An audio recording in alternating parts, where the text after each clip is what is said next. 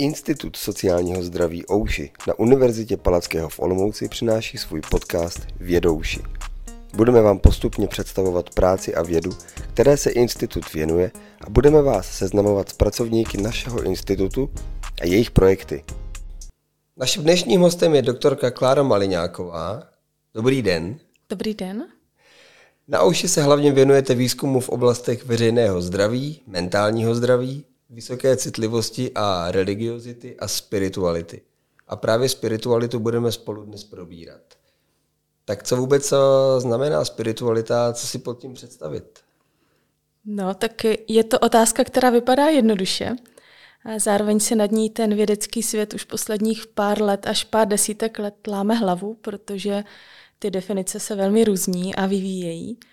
Ale abychom ten rozhovor neutopili hned na začátku v definicích, tak eh, to zkusím vzít trošku z jiného konce. A já, když přednáším spiritualitu pro studenty, tak často to povídání začínám tím, že pustím dvě písničky, dvě skladby. A jedna je ta ústřední skladba z filmu Vratné lahve, kde se zpívá o tom, že ani k stáru, ani k stáru nemám o životě páru. A potom to končí tím, že až mi tváře zcela zblednou, dal bych si ho ještě jednou. A tak vždycky říkám, že to je taková smutná písnička.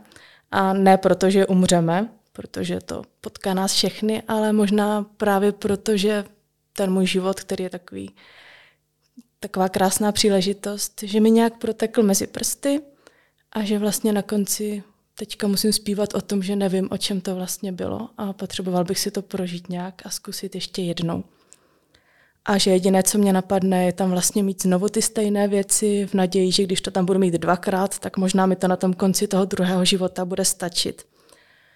A vlastně, když nad tím tak přemýšlím, tak se trochu bojím, že by těch životů nemuselo stačit ani 50, že to je možná spíš o tom, že tam chybí nějaký důležitý aspekt života. A ta druhá skladba, kterou pouštím, to je píseň I Still Haven't Found What I'm Looking For od jirské skupiny YouTube. A tam se zpívá o tom taky, co jsem všechno zažil, prožil a že to přesto nějak není dost. A to jsem si říkala, že vlastně možná ten aspekt, který mi přijde hodně důležitý na spiritualitě, právě ta touha po tom přesahu. A že to je něco, co si můžeme nahmatat eh, každý z nás v sobě, ať už jsme tedy věřící příslušníci církve a nebo se k tomu nehlásíme, že každý z nás cítí, že není jenom bytost, která tady má nějakou práci, má nějaké záliby, nějaké materiální zajištění, ale že vlastně potřebujeme v tom životě víc, potřebujeme nějakou hloubku, potřebujeme ten přesah a něco, co nás přežije. A že vlastně právě o tom hledání toho přesahu a napojování se na to hlubší v nás je ta spiritualita v tom nejširším slova smyslu. Já jsem na tom začátku říkala, že bych to nerada utopila v definicích. A možná jenom řeknu tolik, že vlastně třeba před 100-200 lety byla spiritualita vnímána jako takové jádro uh, religiozity. Že vlastně, když člověk byl hodně věřící, hodně nábožensky založený, tak uh, to byli lidé, kteří byli taky považováni za vysoce spirituální, když to hodně prožívali. A postupem času se to začalo nějak rozšiřovat, to pojetí spirituality. Vyvrcholilo to někdy v polovině minulého století, kdy začal být zejména ve Spojených státech uh, takový silný trend eh, toho, že lidi měli potřebu říkat, no jo, a tak já možná se úplně nestotožňuji s tím organizovaným náboženstvím, s církví, ale to neznamená, že ve mně není ta touha po něčem hlubším, že nemám potřebu toho přesahu. A vlastně tady tohle hnutí by se dalo zhrnout pod takové moto I'm spiritual, but not religious. A toto je vlastně něco, co můžeme pozorovat i teď. A došlo to vlastně až tak, že ta spiritualita nakonec se stala širším konceptem než ta samotná religiozita. To znamená, že mnohem více lidí třeba o sobě řekne, že je spirituální, než že jsou nějak nábožensky založení ve smyslu nějaké příslušnosti k organizovanému náboženství. Takže když to vezmeme z toho kontextu, že v tom nejširším pojetí se ta spiritualita týká všech, myslím si, že každý z nás se vlastně na to může nějakým způsobem napojit. A je to taky něco, čeho si všímají i výzkumníci různých oborů. Třeba Edward Wilson, evoluční biolog, eh, říkal, že dispozice k náboženské víře je nejsložitější a nejmocnější síla v lidské psychice a velmi pravdě, pravděpodobně nevykořenitelná součást lidské přirozenosti.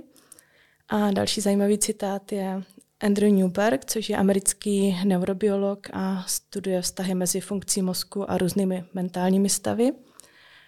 A říká, že to je jedna z nejúžasnějších sil lidstva, že jedna z nejúžasnějších sil lidstva, rozšíření a praktikování náboženství zanechala hluboký dopad na jednotlivce i celé civilizace a změnila běh historie.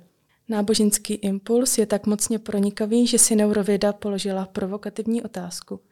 Jsou naše mozky uspůsobeny k náboženskému prožívání? Což je taky zajímavá otázka, možná se k tomu nějak dostaneme. Ale vlastně i stačí, když se tak podíváme do historie, na různé kontinenty, že vlastně vždycky vidíme, že lidé měli potřebu tu spiritualitu, to náboženství nějakým způsobem prožívat a že dokonce v různých kulturách byli lidé, kteří měli potřebu to prožívat třeba hodně naplno, dát tomu ten život, že to je něco, co jakoby probublávalo celou tu naší kulturou, civilizací napříč staletími, napříč těmi různorodostmi.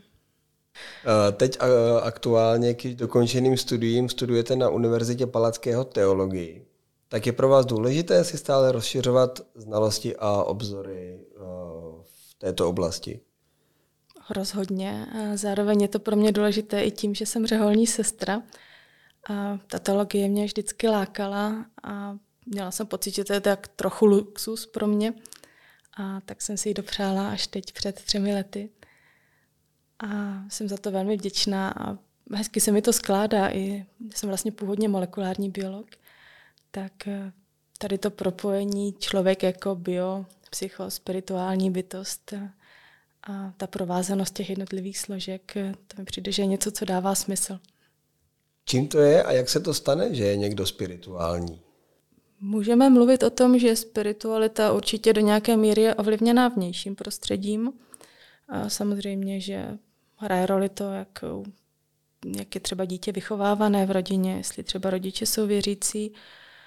Nám se ukazuje ve výzkumech i jiné zajímavé spojitosti, že třeba lidé, kteří jsou traumatizovaní v dětství, tak v dospělosti mají tendenci být spirituální, ale mimo církev, což je třeba zajímavý jev. A určitě tam hraje roli naše kulturní tradice, naše doba, nějaká náboženská formace, literatura a tak dále. Ale stejně tak je to ovlivněné naším vnitřním prostředím. Máme nějakou genetickou výbavu, ta se projevuje v tom, jak máme tělesnou konstituci, jak probíhají naše fyziologické pochody v těle. Projevuje se to na našem zdravotním stavu. A vlastně právě tady toto všechno ve výsledku, ta fyziologie, ta metabolické procesy, to, jaké hormony máme produkovány v těle, kolik jich je, a jak, kolik máme různých přenašečů, jaké jsou hladiny v mozku, jak jsou odbourávány a tak dále, to vlastně ovlivňuje nakonec náš temperament, naši osobnost, to, jaké máme schopnosti, jak máme nastavené základní pocity, nálady, jak jsme inteligentní, třeba naše osobnostní charakteristiky, jak dokážeme komunikovat, jak zvládáme strach, hněv, různou životní zátěž. A samozřejmě se to promítá potom i do spirituality. A někdy se vlastně dokonce říká, že spiritualita by mohla být takový šestý základní osobnostní faktor, nebo ta šestá základní osobnostní dimenze. Další zajímavý odkaz třeba na naše výzkumy je, že jsme zjistili, že lidé, kteří jsou vysoce citliví, v tom smyslu, že třeba hodně reagují na, i na senzorické podněty, když zůstaneme jenom na té fyziologické rovině, tak mají tendenci být také více spirituální a více religiozní. A že kdybychom dali do kontrastu třeba ty lidi, kteří jsou na té senzorické úrovni absolutně dole, že je nic nerozhodí, nic jim nevadí. A ti, kteří jsou extrémně citliví, tak nám vyšlo, že se liší třeba o 170% ve smyslu toho, jak jsou religiozní, tudíž jak třeba se hlásí k nějaké víře a chodí do kostela, a dokonce o 340 co se týká spirituality. Takže se ukazuje, že opravdu i nějaké naše fyziologické nastavení souvisí, možná bych řekla ne s tím, jak moc jestli jsme spirituální nebo ne, ale možná to, jakým způsobem tu spiritualitu prožíváme a v jaké intenzitě, tam určitě to hraje roli. Kde má začít člověk, když chce uh, prožívat spiritualitu a není navázaný na církev? Nějaký typ nebo nějaká aktivita pro něho? Tak jedna aktivita, kterou vždycky vřele doporučuji, když se vrátím k té písničce, ani k stáru, aby nám ten život neprotekl mezi prsty, tak možná tak na konci dne se zastavit a ohlednout se zpátky za tím dnem. A pokud třeba věřím v Boha, tak si můžu říct, že tam v jeho přítomnosti se nějak dívám zpátky a, a můžu se opravdu zastavit, přehrát si v hlavě ten den, říct si, co tam bylo nějak životodárné, kde vlastně jsem se dotýkala něčeho, co mě někam pozvalo dál, jestli se mi třeba tady toto děje častěji v určitých situacích, v určitém kontextu. A zároveň, co mi ten život třeba bralo, kde se mi může stávat, že mi klesne nálada, že si připadám nějak odtrženě od sebe, od druhých, od Boha. A čím se to děje, jestli tomu třeba nějak rozumím. A vlastně už jenom ten krok, že se takhle zastavím, že se s tou vděčností podívám na všechny ty dobré věci, tak je nějaká predispozice na to, abych se druhý den probudila a třeba byla v dobrém rozpoložení a těch dobrých věcí si zase více všimla. A zároveň, i když si všimnu některých věcí, které nebyly dobře, tak mě to nemusí zdrtit, ale můžu si říct, tak teď jsem si toho všimla, mám šanci s tím něco udělat. Možná ten druhý den může být o to lepší tím pádem. Tak to je třeba jedna konkrétní věc, kterou si myslím, že si může vzít každý. Uh, existuje gen na spiritualitu? Tak já jsem zmiňovala, že nějaká spojitost s naší genetickou výbavou tady je. A nicméně není to tak, jak gen pro modré oči, hnědé oči nebo varianta genu. A ukazují se spojitosti s různými neuropřenašeči v mozku, například gen pro dopaminový receptor, varianta genu pro dopaminový receptor. Tam to bylo zkoumané v souvislosti s rizikovým chováním, kouřením, alkoholem nebo patologickým gamblingem. A ukázalo se, že to souvisí ku podivu i se spiritualitou. Zajímavé třeba taky dopaminový transporter, další varianta, a nebo varianta genu pro serotoninový transporter. Vlastně víme, že serotonin je neuropřenašeč, který se účastní procesů, které se podílejí na vzniku nálad. Když máme málo serotoninu, tak jsme v depresi. A tam se ukazuje, že vlastně ta zkrácená varianta genu pro ten serotoninový transporter souvisí se spiritualitou, ale překvapivě i třeba s tou vysokou citlivostí, o které jsem mluvila, takže ty věci se dají provázat i na různých úrovních. A byly výzkumy, které se zabývaly tím, jaké úrovně těch neuropřenašečů mají spirituální lidé v mozku, nebo jak to může souviset třeba se spirituální zkušeností. A některé výzkumy ukazovaly, že třeba lidi, kteří měli hodně vysoké skóre v nějaké tom self-transcendenci, v té sebepřesažnosti, v nějakých škálách, které toto měří, takže byli třeba méně závislí na alkoholu nebo drogách. A někteří věci říkají, že je to možné, že ta dráha té motivace odměny, což souvisí s dopaminem, a ty další dráhy, že vlastně můžou být aktivovány tím prožíváním spirituality a že tím pádem ti lidé nemají třeba takovou potřebu je aktivovat změjšku pomocí těch eh, různých látek. A dá se ta zkušenost nějak víc uh, zkoumat? Spirituální zkušenosti, jo. My samozřejmě nemůžeme měřit Boha, ale můžeme měřit, eh, co dělá prožívání spirituality s člověkem a s jeho fyziologií. Ten neurofyziolog eh, Andrew Newberg, kterého jsem zmiňovala, nebo neurobiolog, a tak ten vlastně dělal pokusy jednak s tibetskými mnichy nebo s katolickými sestrami, františkánkami a právě zkoumal, co se děje, když se dostanou do stavu hluboké meditace.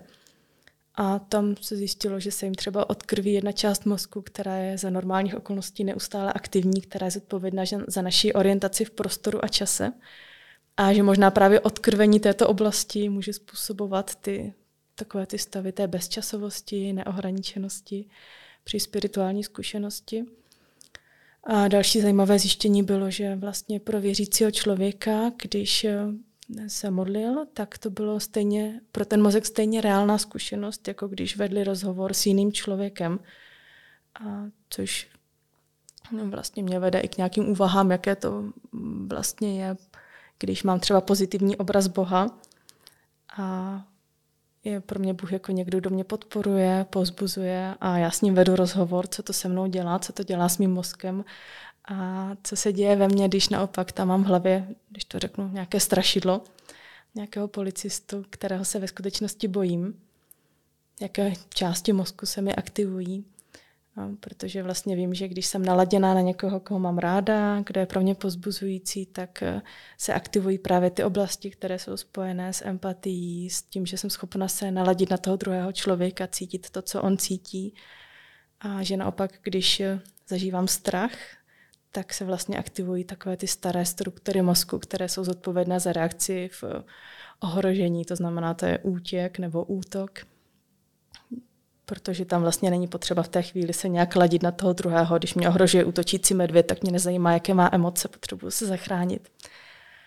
A podobně je to vlastně, když se dívám na někoho, kdo se hněvá, tak můj mozek tady tuto emoci začne zrcadlit a i v mém, mém mozku se začne roztáčet tady tato spirála a přetne se to právě tím, že třeba dokážu se nějak přeladit na toho druhého člověka, že, nedo, že neodpovídám vlastně stejnou agresí a i ten jeho mozek to potom může takhle zrcadlit. A tam v tomto směru jsme taky začali nějaké výzkumy a máme rozjeté nějaké testování s pomocí magnetické rezonance, ale zatím se nám to nepodařilo ověřit v praxi, jakým způsobem se vlastně, co v nás děje, když třeba máme pozitivní, negativní obraz Boha a jak to souvisí právě i s aktivací různých oblastí mozku. Co si vlastně můžu představit pod emocionálním obrazem Boha? Věda v poslední době rozlišuje vlastně dva takové obrazy Boha a když to teda nechám v těch anglických termínech, tak tomu říká God image a God concept. A ten God koncept je takový racionální obraz Boha. Co si o Bohu myslím, co si myslím, že si myslím, co mě naučili rodiče, co mě naučili někde v náboženství, co jsem si přečetla v nějakých knížkách a podobně. A potom je tam ta emocionální zkušenost, to, jakým způsobem vlastně ten vztah k Bohu prožívám. A tam je velmi zajímavé, že to může být úplně obrácené oproti tomu racionálnímu obrazu Boha. Že lidi můžou říkat, jo, já vlastně věřím, že Bůh je nějak dobrý, že mu na mě záleží, ale já mám problém to nějak zakoušet. Já vlastně se v tom necítím komfortně, je to nějaký strach třeba s tím spojený. A někdy je to i proces, než si člověk dokáže i tady toto přiznat, protože tam takové to měl bych přece, když jsem křesťan, tak bych měl říkat, že mě Bůh má rád a že to taky tak cítím. Tak možná jenom to uvědomění, že tam něco je tak jako skřípe, že vlastně něco říkám, ale nějak jinak uvnitř reaguju, může být na začátkem té cesty, aby se to sladilo a bylo to víc životodárné. Jak takový obraz eh, vzniká a jak se projevuje u člověka? Vzniká to velmi brzy. Vlastně víme, že to, co si neseme do vínku ohledně našich vztahů k druhým lidem, k prožívání vůbec toho našeho bytí ve světě se utváří někdy v prvních třech letech života velmi hluboce. A to na základě toho, jakým způsobem zažíváme ten svět, jakým způsobem zažíváme ty osoby, které o nás pečují, to znamená většinou naše rodiče. Když jako dítě zažívám, že moje potřeby jsou naplněné, že když potřebuju, tak ta maminka přijde, postará se o mě, že je nějak konzistentní v té péči, tak se vytváří něco, čemu psychologové říkají bezpečná vazba. To znamená, že vlastně v tom světě se cítím nějak dobře, dokážu se naladit na druhé lidi, dokážu jim dát svoji důvěru, dokážu se jim svěřit, když je mi třeba nějak těžko. A takhle podobně vlastně se to přenáší i do toho vztahu Bohu, že ti lidi s bezpečnou vazbou vnímají i Boha jako podporujícího, dokážou se o něj opřít. Když se děje něco těžkého v životě, tak eh, vlastně ten Bůh je taková podporující síla. Pak ale můžou být ty situace, kdy vlastně ten rodič nereaguje úplně předvídatelně, kdy to dítě pláče a někdy ta mamka přijde, někdy nepřijde. A my si můžeme pak vyvinout vlastně různé další strategie. Jedna strategie může být, že si řeknu, že je lepší neplakat, protože vlastně mě to potom nezraňuje, když zjistím, že se o mě nikdo nezajímá. Vytvořím si takový krunýř a budu ho mít i ve vztahu k ostatním lidem. A budu si říkat, že si vystačím sám, nebudu si pouštět druhé lidi příliš blízko. A ukazuje se vlastně z těch výzkumech ve spiritualitě, že lidi mají tendenci tady toto přenášet i do toho vztahu k Bohu. A že i tam to je takové, jako nějak si, nějak si vystačím víc. A naopak další, další způsob té nejisté vazby takzvané může být, když třeba to dítě zjistí, že je potřeba jako hodně plakat nebo hodně na sebe nějak upozorňovat, že a, ta matka je třeba taky nějaká nevyrovnaná, je to z ní cítit, tak eh, vzniká takzvaná úzkostná vazba, kdy vlastně zase lidi mají pocit, třeba i v těch stazích, že vlastně je potřeba se hrozně moc snažit, aby o mě ten druhý měl zájem, aby mě neopustil, neodsoudil a tak dále. A i v tom vztahu k Bohu jsou vlastně takový až jako přimykaví nebo mají pocit, že musí Boha pořád nějak uhánět a zároveň mají strach, aby to nepřeháněli s těmi prozbami. Tak toto všechno se tam vlastně přelívá. A je dobré si říct, že to tak je, mně se tady tohle děje, vlastně si tam uvědomuju, že toto je nějaká zkušenost, kterou si třeba nesu z domu a když to teda řeknu z toho křesťanského pohledu, dát Bohu šanci, aby byl Bůh, aby byl teda větší než ty moje představy a abych si právě mohla dovolit zažívat to jinak. Jaký obraz Boha mají Češi? Zajímavý. My jsme se na to zkoušeli ptát. My samozřejmě neumíme teď měřit ten emocionální, byť i na to vyvíjíme různé přístupy, ale zkoušeli jsme jenom tak eh, se ptát eh, pomocí různých přídavných jmen, jestli třeba je Bůh, já nevím, milující, stále přítomný, nebo naopak trestající, hněvivý a podobně. A potom jsme tady toto rozdělili, že když eh, řekli, že z velké části je tedy nějak pozit, používali ta pozitivní přídavná jména a řekli, že když negativní, tak jenom eh, ne příliš moc, když to řeknu takhle. A dichotomizovali jsme to ve smyslu, že jsme řekli, tak dobře, když to mají takhle jako pozitivní a nemoc negativní, tak to berem, že to je pozitivní obraz Boha. A našli jsme to u 11% věřících, takhle.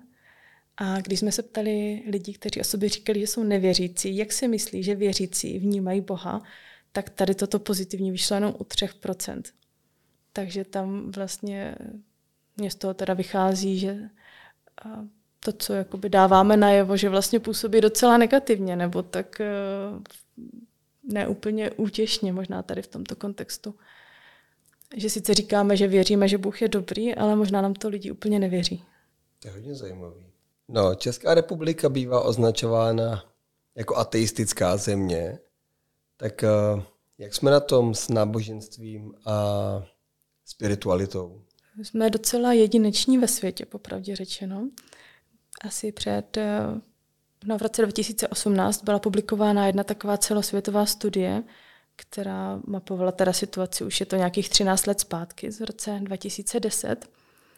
A tam se ukázalo, že 16% světové populace a není identifikováno s žádným náboženstvím.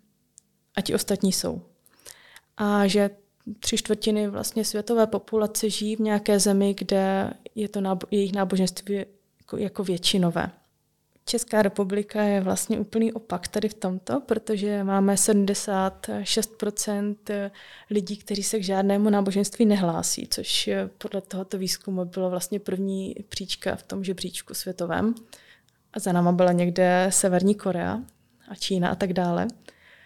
A máme to vlastně naopak v tom, že tři čtvrtiny Čechů řeknou, že jsou ateisti, agnostici nebo nic konkrétního. A máme tady taky zajímavý vývoj, protože jsme si zažili, máme nějakou historii, která určitě formovala to naše prožívání spirituality a religiozity. Máme tady období komunismu za sebou.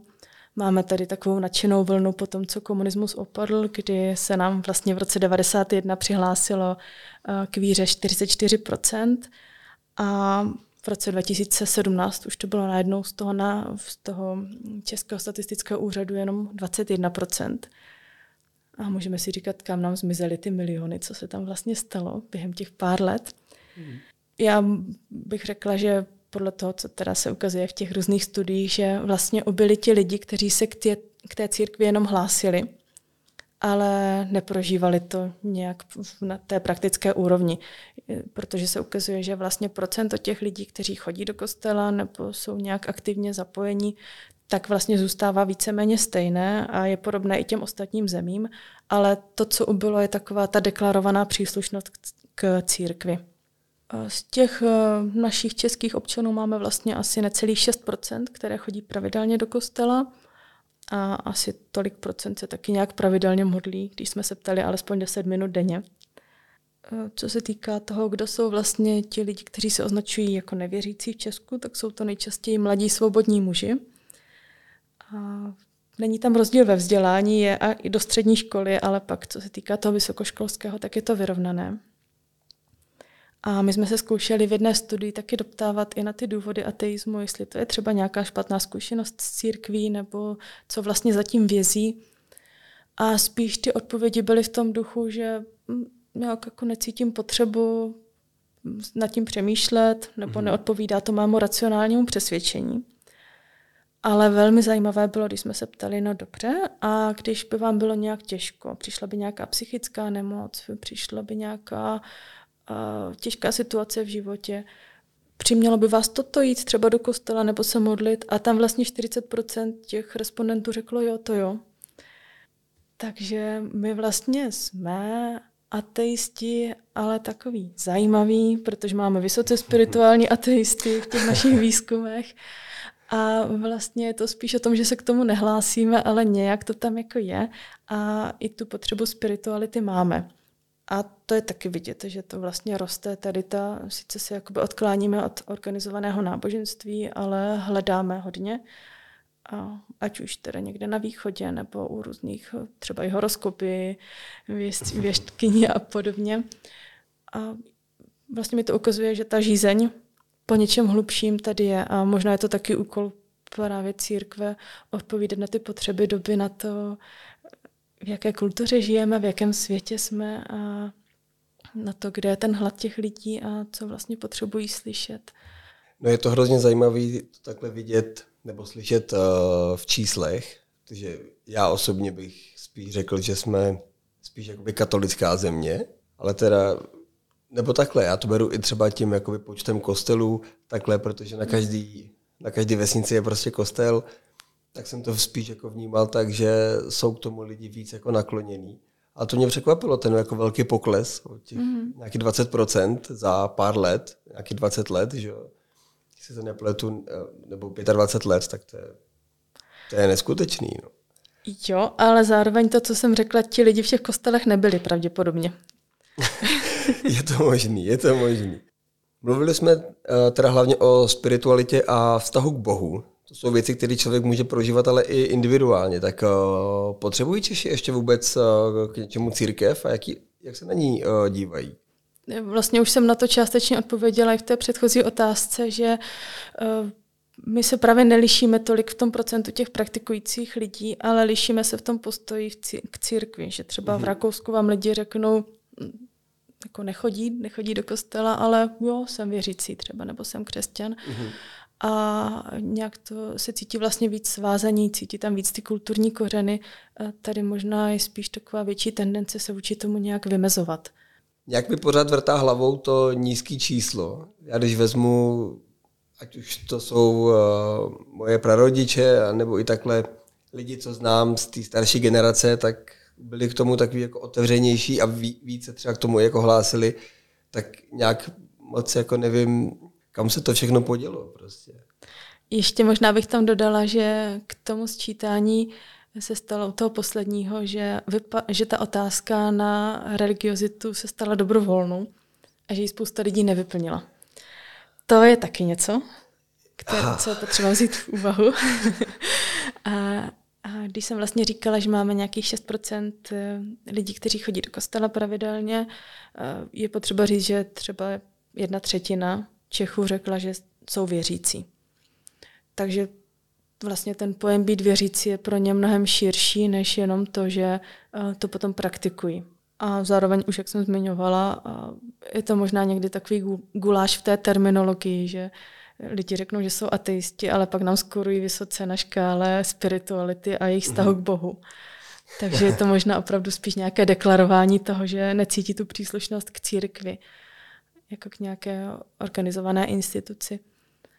A taky si myslím, že tak, jak se posouváme, že odpadají lidi, kteří to měli jenom jako něco tradičního, protože tak byli vychováni, že vlastně zůstávají lidi, nebo že to vede k tomu, že vlastně zůstávají v té církvi lidi, kteří uh, to cítí jako něco osobního mm-hmm. a že vlastně nechodí, protože chodila babička, maminka a teta, ale protože já chci chodit. A mimochodem toto se nám ukazuje třeba i u adolescentů, že je to velmi potřeba, aby to bylo svobodné rozhodnutí každého člověka, že přesně ti adolescenti, kteří jsou tlačeni do toho, aby chodili do kostela a necítí to tak, že vykazují mnohem vyšší rizikové chování než ti nevěřící adolescenti. A že naopak z toho nejlíp vycházejí ti, kteří to mají nějak zvnitřněné.